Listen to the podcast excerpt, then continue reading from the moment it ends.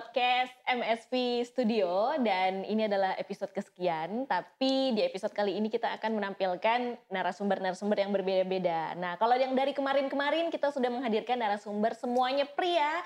Kali ini ada yang spesial bersama saya Arta Tria dan juga ada tamu spesial seorang animator wanita yang pengalamannya nggak usah diragukan lagi deh. Ada Lala. Hai Lala. Lala. Hai. Sebenarnya sih Intan Laila Sari ya biasanya orang juga Ah, taunya. iya bener. Tapi di sini tuh biasanya orang-orang manggilnya Lala aja Lala gitu. aja ya. singkat. Biasanya kalau misalkan eh, narasumber kita hadirkan adalah pria, nah kali ini kita menghadirkan sengaja seorang wanita ataupun Sri Kandinya MSV Studio yang berprofesi sebagai animator. Jadi Lala ini adalah arek ngalam yo, Arek ngalam coy. arek ngalam, Iya.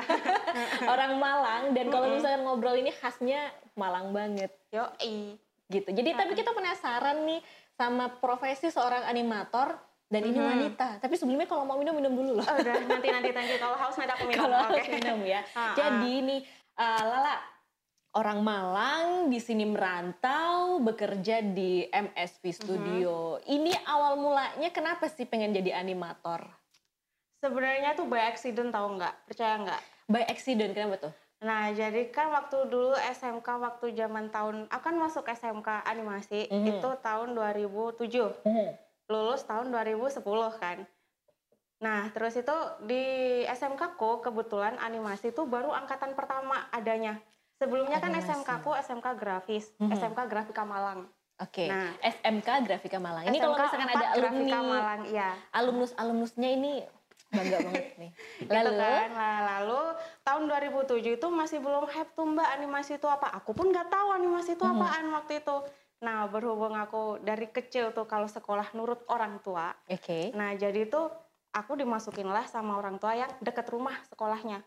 Jadi SMK-nya itu dekat sama rumah ya Iya, posisinya. bisa jalan, Oke. bisa naik angkot, Mhm. kayak gitu kan, bisa dianterin, repot nggak lah ya. repot lah. Lagi kalau susah bangun, nggak keburu-buru lah ya kalau waktunya mepet gitu. Iya, betul. Apalagi kalau Senin upacara, betul. Oh. nah, itu terus itu di sana kan kebetulan jurusannya grafis semua. Mhm. Ya, which is ada desain grafis, ada produksi, ada mesin, ada Mhm. TKJ, ada multimedia lah mungkin yang paling ini industri kreatifnya. Nah, itu baru masuk tuh 2007 angkatan animasi. Aku Ah. didaftarinnya awalnya di desain grafis sama Oke. bapak aku, sama orang tua aku. Nah, berhubung waktu itu nggak ada sistem tes, adanya sistem nilai.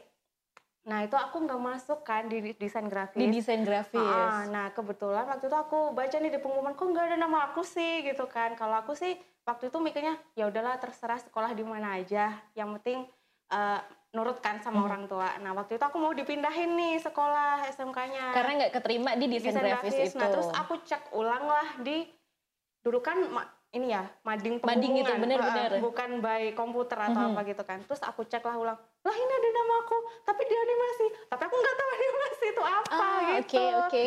Nah, terus aku cari tahu kan, animasi itu apaan sih? Ya itu aku tahunya itu generally itu all about drawing, Hmm. gambar ya kan. Yang aku tuh nggak bisa gambar, gambar tangan satu aja aku harus ngejiplak gitu kan. Oh. Kan kalau di animasi kan harus eh, ada nyawanya gitu kan yang Benar-benar, digambar gambar kan dasar harus- lah ya. Nah, nah. Ya udah, nggak pakai tes kan. Mungkin karena itu eh, jurusan baru yang butuh murid banyak, ya mungkin yang mereka mereka yang nggak keterima di jurusan lain itu dialihin ke Masukin. jurusan animasi. Nah itu jadinya aku awalnya dari situ belajarnya tiga tahun basic Wow. gitu. Tapi berarti itu sama sekali nol pengalaman di menggambar ya. Iya. heeh. Dan sama sekali nggak ngerti animasi itu seperti apa. No nggak ngerti animasi itu apa waktu itu. Tapi dari situ kan eh, emang gurunya kan ngajarin dari basic banget. Mhm. Nah percaya nggak mbak eh, orang yang passion kalah sama orang yang kerja keras. Woi.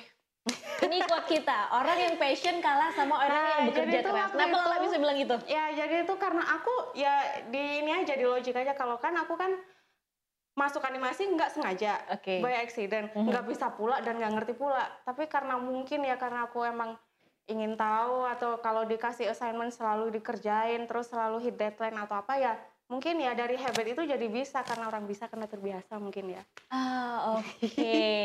Tapi susah nggak sih dari tiga tahun pengalaman awal pertama kali masuk, Mhm. istilahnya salah jurusan. Bisa dikatakan salah jurusan nggak? yes No, no, enggak. Kalau secara jurusan sih aku nggak pernah eh, nilai itu salah Karena nggak jurusan nggak ya. memilih ya. Eh, karena nggak memilih dan Tapi karena- dialihkan. Mm-mm, betul. Tapi susah nggak tiga tahun belajar di SMK?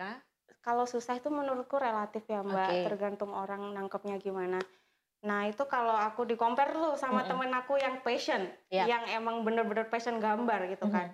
Aku waktu lihat dia gambar kayak buset nih orang nggak susah banget gambar kayak ngalir gitu. Sementara aku tuh harus mikir, mikir, mikir. Kalau temen tuh nggak pakai mikir gambarnya dan hasilnya bagus. Kalau aku kan pakai bener-bener ilmunya harus eh, apa konstruksi tubuhnya gimana, Hmm. ininya gimana, fundamentalnya gimana. Jadi sempat sempat iri dan sempat kesusahan memang.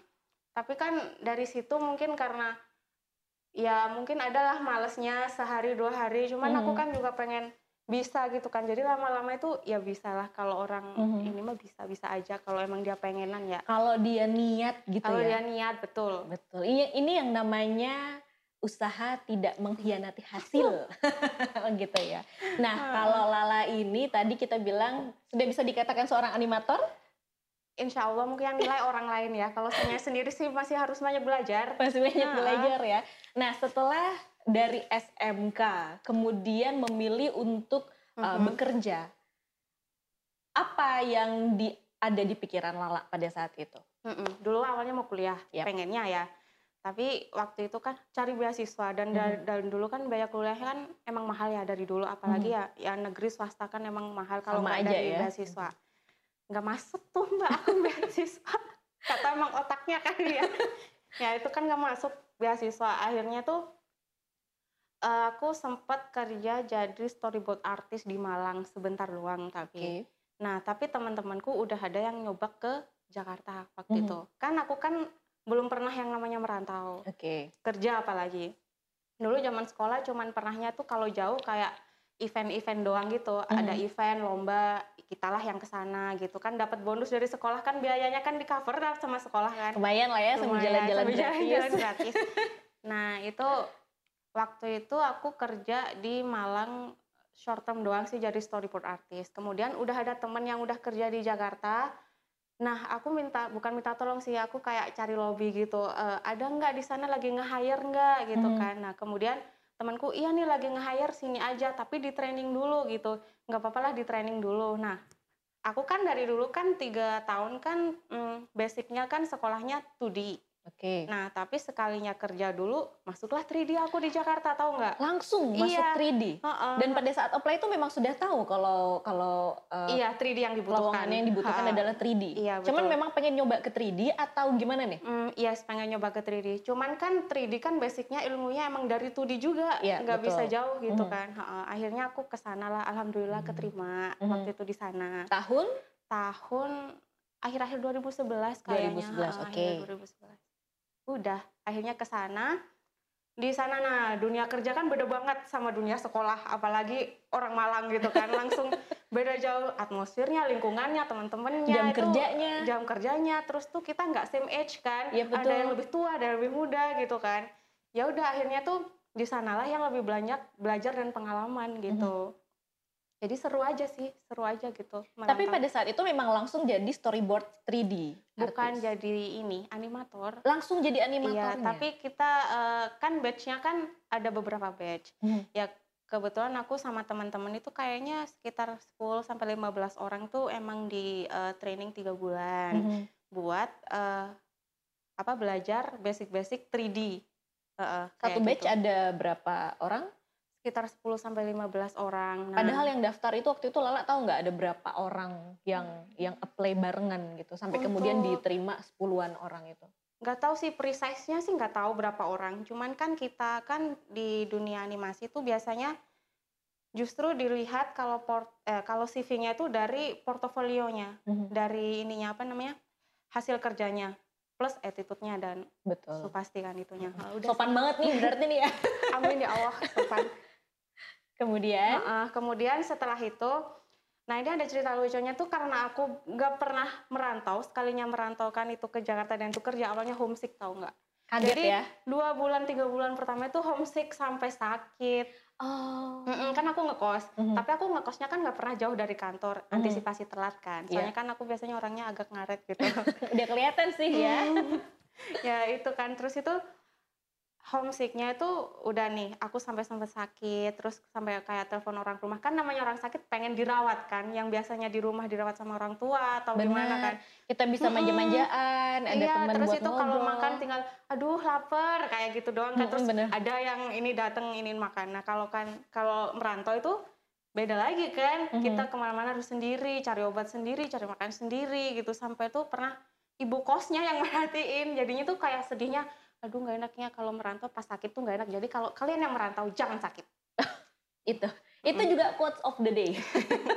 kalau merantau Sehat-sehat. jangan sakit ya. Sehat-sehat Oke. Nah, kalau tadi awal masuk eh, pertama kali ke Jakarta nih, kemudian Lala katanya tadi ada training. Nah, Mhm. bisa diceritain nggak pengalaman training selama beberapa bulan dulu pada saat dari SMK kemudian di training apa-apa yang Lala dapatkan? banyak yang didapat selain ilmu ya Mhm, itu sosial juga mhm. orangnya kan randomly juga dari Oke. beberapa daerah juga nggak semuanya dari orang Malang atau orang Jakarta juga nggak jadi tuh banyak banget mbak yang di apa yang didapat itu selain kayak soft skill itu eh, knowledge-nya juga banyak banget yang didapat nah kebetulan kalau misalkan di dunia animasi itu biasanya tuh sistemnya tuh kompetisi gitu Oke. jadi eh, kompetisi tuh kalau misalkan dia nggak catch up sama yang lain jadi Ya udah, biasanya iya tinggalan aja. di cut gitu Oh. Mm-mm. jadi itu yang kayak jadi geng- ngegemblang kita gimana nih biar bisa gimana nih biar bisa gitu Oh, oke. Kemudian Lala ini lama di Jakarta. Nah, dari Jakarta itu eh, stay di tempat kerja yang sama atau kita pengen tahu nih seorang animator wanita pengalamannya untuk pasti kan eh, banyak sekali batu loncatan yang Mhm. Lala lakukan ataupun Lala jalani. Ini bisa cerita nggak sih? Di Jakarta itu aku ya emang nggak di satu studio doang kebetulan aku emang loncat-loncat karena ya aku pengen tahu vibes-nya gitu mbak jadi itu gimana sih kerja ikut ini gimana sih kerja ikut itu gitu. Jadi kan semakin banyak orang yang kita kenal, jadi kan semakin besar pula opportunity kita buat Mhm. kerja sama siapa aja. Relasinya gitu. juga makin luas ya. Mhm, Oke. mhm. Gitu sih. Jadi ya buat kalian mungkin yang eh, masih fresh graduate atau gimana itu coba-coba aja gitu. Jangan mungkin yang stay di satu tempat udah enak keenakan, jadinya ya udah cuman itu tok gitu. Jadi itu pindah-pindah aja nggak apa-apa sih menurutku ya. Mhm. Jadi kalau misalkan udah tahu enak enggaknya plus minusnya gimana kan bisa eh, bisa nyimpulin sendiri nanti in the end. Betul, betul. Semakin banyak, semakin semakin banyak eh, pengalaman yang kita dapatkan juga Mhm. semakin banyak pelajaran yang bisa kita jalanin gitu Betul. ya. Oke, nah kalau gitu eh, balik lagi ke pekerjaan seorang animator nih. Eh, saingannya, persaingannya gimana sih? Banyak nggak sih animator di Indonesia terutama ya? banyak kok kalau misalkan eh, di iniin banyak kalau dihitung banyak enggaknya sih aku nggak tahu ya banyak enggaknya Mhm. ya cuman sekarang tuh mulai bermunculan gitu loh kalau di tahun-tahunku dulu kan masih agak sedikit ya orang-orangnya ya. mungkin ke sini ketemu ini ke situ ketemu itu lagi gitu kan jadi lingkupnya tuh cuman itu itu aja cuman sekarang tuh lebih banyak banget yang lebih jago juga jangankan sekarang SMK aja mbak Mhm. lulusan SMK tuh banyak yang jago-jago sekarang Iya. ada di kelasku tuh banyak yang jago-jago karena sekarang kan sistemnya udah pakai tes nih Betul, betul. Nah, jadi mungkin mereka selain passion, terus dia mereka juga Skillnya ada bakat, juga memang skill, talent eh, ya. terus juga ya udah jadi itu menambah eh, cepat enggaknya mereka ini loh, apa namanya knowledge-nya itu berkembang. Mhm. Mm-mm. Oke. Kalau gitu berarti dari 2011 Yes. Lala mulai merantau sampai dengan sekarang 2020 eh 9 tahun ya. Ya, most likely. More or less. 9 tahun. Aku mikir banget 9 tahun. Oke, berarti kalau dari 2011 sampai dengan 2020 Lala sudah merantau, sudah bekerja merasakan eh, vibe pekerjaan dengan lingkungan kerja yang berbeda-beda juga. Nah, kita pengen tahu nih karya-karyanya. Sejauh ini keterlibatan apa atau karya-karya apa saja yang sudah dihasilkan seorang Lala? Sebenarnya nggak banyak ya. Mhm. Sebenarnya tuh nggak banyak, cuman eh, dari du, dari tahun 2011 tuh udah pernah tuh ngerjain Wendy the series Mhm. waktu itu. Kalau misalkan kalian penasaran cek aja di blog aku intanlailasari@blogspot.com. Di sini alamatnya. atau Ya, itu. nanti eh, di sini Di sini semuanya. insertionnya. sini sini sini sini sini. itu kan. Jadi eh, pernah ngerjain Wendy the series. Terus itu waktu di Jakarta waktu awal-awal itu Mhm. eh, yang waktu habis training itu Langsung ngerjain eh, project itu. langsung ngerjain Wow. eh, include project itu. Nah terus kedua itu aku kerja di mana ya? Habis itu oh ya aku game of pachinko tadi kan. Mhm. Itu aku kebetulan waktu habis ngerjain Wendy pindah studio aku ganti project eh, ngerjain game. Nah ngerjain game tapi game Jepang punya. Mhm. Itu selama kurang lebih dua tahunan. Oke. Wow. Habis itu aku pindah nih studio lagi, aku ngerjain Adit Sopo Jarwo, kebetulan dari season 1, dari awal-awal season 1. Mhm. Terus habis itu aku pindah studio lagi, Mhm.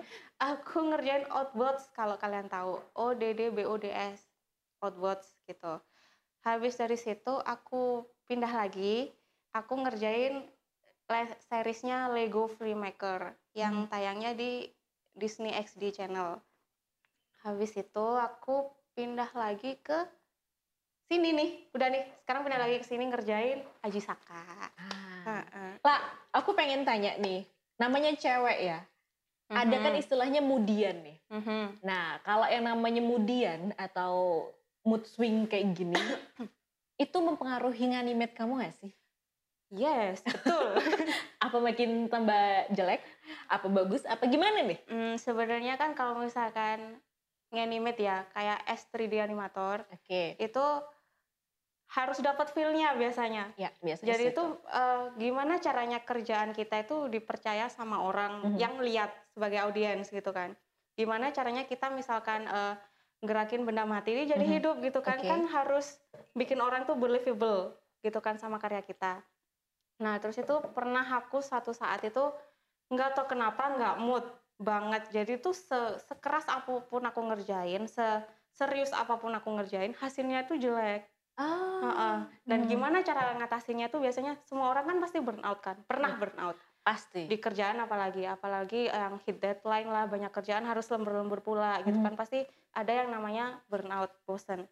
Dulu aku pernah dikasih tahu sama leader aku waktu itu di salah satu studio, lah udah deh, lu nggak usah kerja dulu hari ini, gitu. Oke. Lu main aja. Aku digituin. Soalnya tuh dia mungkin lihatnya seini apa pun aku hasilnya itu kurang maksimal. Terus aku juga terus kan aku juga nggak mau dong lari dari dari tanggung jawab. Soalnya kan aku nggak mau tapi ini harus kelar gimana dong Mhm. caranya gitu. Sementara itu sudah deadline. Nah, sementara itu udah deadline gitu. Ya udahlah. Terus akhirnya aku "Eh, gimana nih aku kayaknya nggak maksimal nih kerjaannya. Aku juga nggak tahu kenapa gitu kan. Ya udahlah eh, kamu ini aja main aja dulu, keluar aja dulu nggak apa-apa ini tinggalin dulu gitu. Mhm. Tapi deadline udah nggak apa-apa nggak usah dipikirin gitu kan katanya. Udah nih akhirnya aku main lah. Aku main-main. Kebetulan dulu di studio ada kayak kolam, ada tenis meja gitu Mhm. kan. Jadi kalau misalkan kita lagi bosen lagi apa kita bisa ngelakuin hal lain, ya, hal Mhm. yang lain. Nah itu akhirnya aku main terus itu kayak rilis stres nonton berenang apa kayak gitu kan main keluar balik kerjaan fresh mbak Langsung. Heeh, langsung fresh tuh langsung fokus langsung auto ngerjain itu langsung udah dengerin musik ngerjain kelar gitu sih kebanyakan Jadi kita memang harus nyari cara buat iya jadi itu cara cara orang kan mungkin beda-beda beda-beda Heeh, betul. jadi motivasi orang juga beda-beda Mhm. jadi mungkin kalian yang eh, sering lembur sering burnout itu cari cara aja jangan mikirin kerjaan keluar cari solusi Mhm. gak usah dipikirin lah kerjaan waktu itu jadi tuh entah main lah entah kamu ngobrol sama teman Oke. hangout lah ngopi-ngopi atau ke mana gitu Mhm. nanti balik-balik percaya aja pasti udah balik moodnya Yang penting kerjaannya kelar gitu yang ya. penting kerjanya kelar Temukan cara Nah. apa pun yang bisa membuat suasana hati kamu tuh jadi terbangun gitu ya. Buat nyelesain kerjaan dan tanggung jawab. betul Nah, Kalau ke kemarin kita pernah nanya nih sama eh, teman-teman di MSP Studio juga pada saat burnout ataupun pada saat lembur, apa sih yang dilakukan hal-hal terunik ataupun terheboh atau kadang kita suka lepas kontrol gitu kan. Ada beberapa temen yang langsung katanya masukin plastik kalau teman-teman inget episodenya gitu kan. Ada yang masukin plastik eh, ke kepala lah, Mhm. terus kepalanya diisolasi lah dan lain tahu, sebagainya. tahu. Nah, kalau Lala sendiri pada saat ngerasain lembur, pernah kan pasti? pernah Itu ceritanya aku penasaran banget nih sama lemburnya animator. Katanya kan animator itu nokturnal gitu kan. Mhm. Ngerjainnya malam gitu. Mhm. Kalau siang tidur, malamnya dikerjain sampai pagi. Nah, ya apakah benar seorang animator wanita juga seperti ini. Mungkin nggak semuanya ya, Mhm. cuman emang generalnya emang gitu kan. Mostly Semua- memang seperti itu ya? Iya, jadi tuh pekerjaan apa pun sebenarnya tuh pasti ada masa lemburnya. Betul. Ya kan nggak cuma animator doang atau nggak cuma industri apalah, bahkan pabrik pun juga lembur biasanya Hmm, ya kan. Jadi tapi bedanya kalau kita orang tuh lembur pernah dikerjain lah sama teman-teman sekitar gitu Mhm. kan. Kan tapi kita juga nggak bisa dong langsung marah kayak gimana gitu kan. Tergantung orangnya itu gimana nangkepnya. Jadi tuh Mhm. aku suatu saat pernah tuh deadline. Di salah satu studio deadline ada orang yang ulang tahun kan? Mhm. ada anak yang ulang tahun. Ya kan itu kan kayak dikerjain atau gimana gitu kan dikasih surprise. Ya udah aku cuman hahaha doang karena aku lagi deadline. Nah kebetulan di studio itu kan ada kolam kolam Oke. renang. Lagi deadline terus aku udah bilang jangan ngerjain gua jangan ngerjain gua. Gua lagi deadline gitu kan. Ya udah akhirnya tuh ya mereka mungkin ah biarin bodo amat bodo amat udahlah kerjain lala gitu kan Tetap dikerjain. itu tuh dikerjain mbak jadi tuh ya mungkin karena eh, lingkupnya rata-rata cowok Oke. jadi itu mereka kayak memperlakukan cewek-cewek ini mungkin ya nggak nggak sungkan gitu loh Mhm. nggak ada sungkannya gitu cuman ya mereka tetap respect cuman Mhm. tuh nggak ada yang diganjelin gitu loh walaupun cewek nah itu pernah tuh saat deadline udahlah aku udah mempeng nih di Mhm. di depan monitor gitu diangkat mbak sama berapa orang? Diangkat gini kan sama Dipaksa berapa- tarik. dijeburin aku kolam. Jadinya tuh akhirnya ya udah aku balik lagi. Aku nggak marah atau apa tuh nggak marah juga. Karena kan mereka juga eh, lagi vibe-nya lagi party ulang tahun temanku itu kan. Ya udah akhirnya aku eh, sambil kan aku nggak bawa baju ya Mhm. kan? Kan aku nggak bawa baju juga nggak bawa baju ganti. Sementara jam kerja belum selesai. belum selesai jam kerja sebenarnya kan jam kerja itu formalitas ya 8 jam tapi Oke. karena kita lembur ya kita sampai malam Mhm. akhirnya aku ngerjain sambil basah-basahan guys Oh Sambil my basah-basahan, god. guys. Masuk angin dong. masuk angin enter win guys Luar biasa sampai bajunya kering lagi. sampai baju kering lagi Oh my god. waktu itu bisa dipinjemin jaket sih sama temen cuman kan karena aku nggak bisa ninggalin kerjaan karena emang ada tanggung jawab sama kerjaan dan nggak bisa ditinggalin gitu aja nggak apa-apa dikerjain aja gitu Wah, luar biasa. Tapi aku tadi menarik sih waktu Lala bilang eh, mostly teman-teman rata-rata animator itu laki-laki. Berarti Mhm. wanita ini ada di tengah laki-laki. Nah, Mhm. aku pengen tahu dong pada saat seorang animator tapi dia wanita, ada perhatian khusus nggak sih yang diterima dari eh, teman-teman laki-laki ataukah teman-teman laki-laki ini ya udah lu sama aja kayak laki-laki gitu. Kan ada nih kayak misalkan teman-teman kita wanita tapi karena ada di lingkungan pria, Mhm. jadi dia dianggap ya udah tomboy-tomboy aja, nggak ada perlakuan kayak harus dimanja lah atau bener-bener jadi adik lah kayak gitu. No mbak, jadi itu kalau misalkan kita, kalau ini menurut pengalamanku ya, mungkin Hmm. kalau orang cewek yang lain beda gitu. Kalau menurut pengalamanku yang selama ini kerjanya lingkupnya banyak cowoknya, jadi itu ya mereka tuh nggak ada keterbatasan, eh janganlah jangan diajak ini, mereka dia kan dia cewek gitu Mhm. kan, enggak. Jadi itu karena mungkin aku temennya cowok semua, ajak aja kasihan dia mau siapa lagi kalau nggak sama kita kita, jadi Mhm. gitu. Jadi itu sosial sama solidaritasnya tuh justru mereka itu bagus gitu loh ke kita kita Ah, walaupun oke. cewek gitu. Ada sisi melindungi Iya gitu betul. ya. Jadi itu ada sisi kayak secara nggak langsung ya. Iya. Jadi jadi itu mereka yang cowok-cowok itu tuh protek kita yang cewek-cewek gitu loh, Oke. secara nggak langsung sebagai teman, sebagai partner kerja kayak Mhm. gitu. Oke, ada yang protek pasti juga ada yang PDKT dong ya. Karena aku orang yang nggak pekaan, jadi aku nggak pernah mikir ke sana. Oke, baik. Nah, lah nih uh, segmen terakhir nih. ya. Uh, aku Oke. pengen tahu dong buat teman-teman yang barangkali juga lagi bingung nih arahnya pengen ke mana. Aku pengen jadi seorang animator, tapi aku juga agak bimbang apakah besok pekerjaan animator itu akan um, Long last. yes long last bisa dikatakan seperti itu. Kalau menurut Lala seperti apa dan kasih dong uh, suggest buat teman-teman yang lagi nyaksikan sekarang.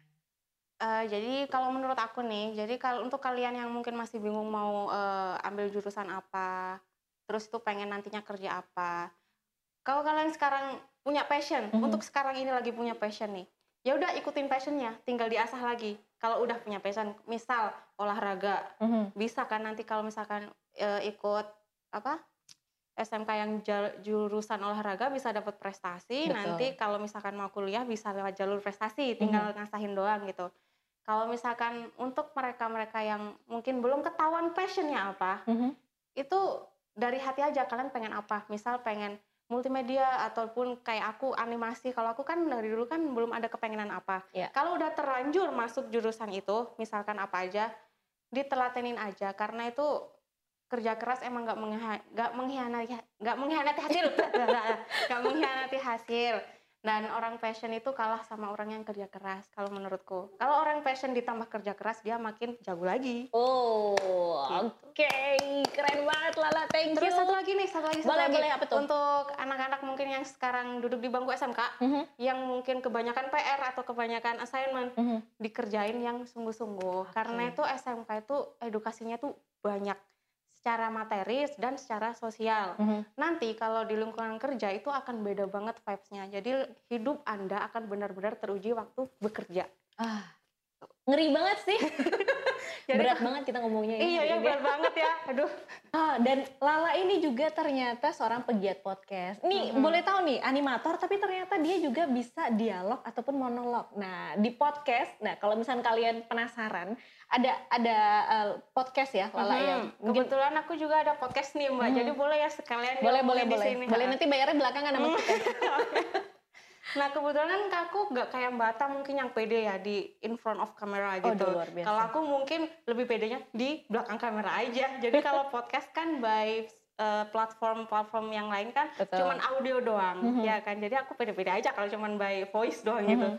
Jadi kalau kalian denger ini ini, kalau lihat ini, follow ya podcast aku itu namanya Lintah pakai hak belakangnya lintas Lintah. cerita gitu. Oke. Jadi tuh isinya tuh kadang aku monolog, kadang aku dialog sama temen. Jadi isinya tuh randomly apa aja yang lagi hype sekarang atau apa aja yang lagi aku rasain sekarang. Jadi aku keluarin aja di situ.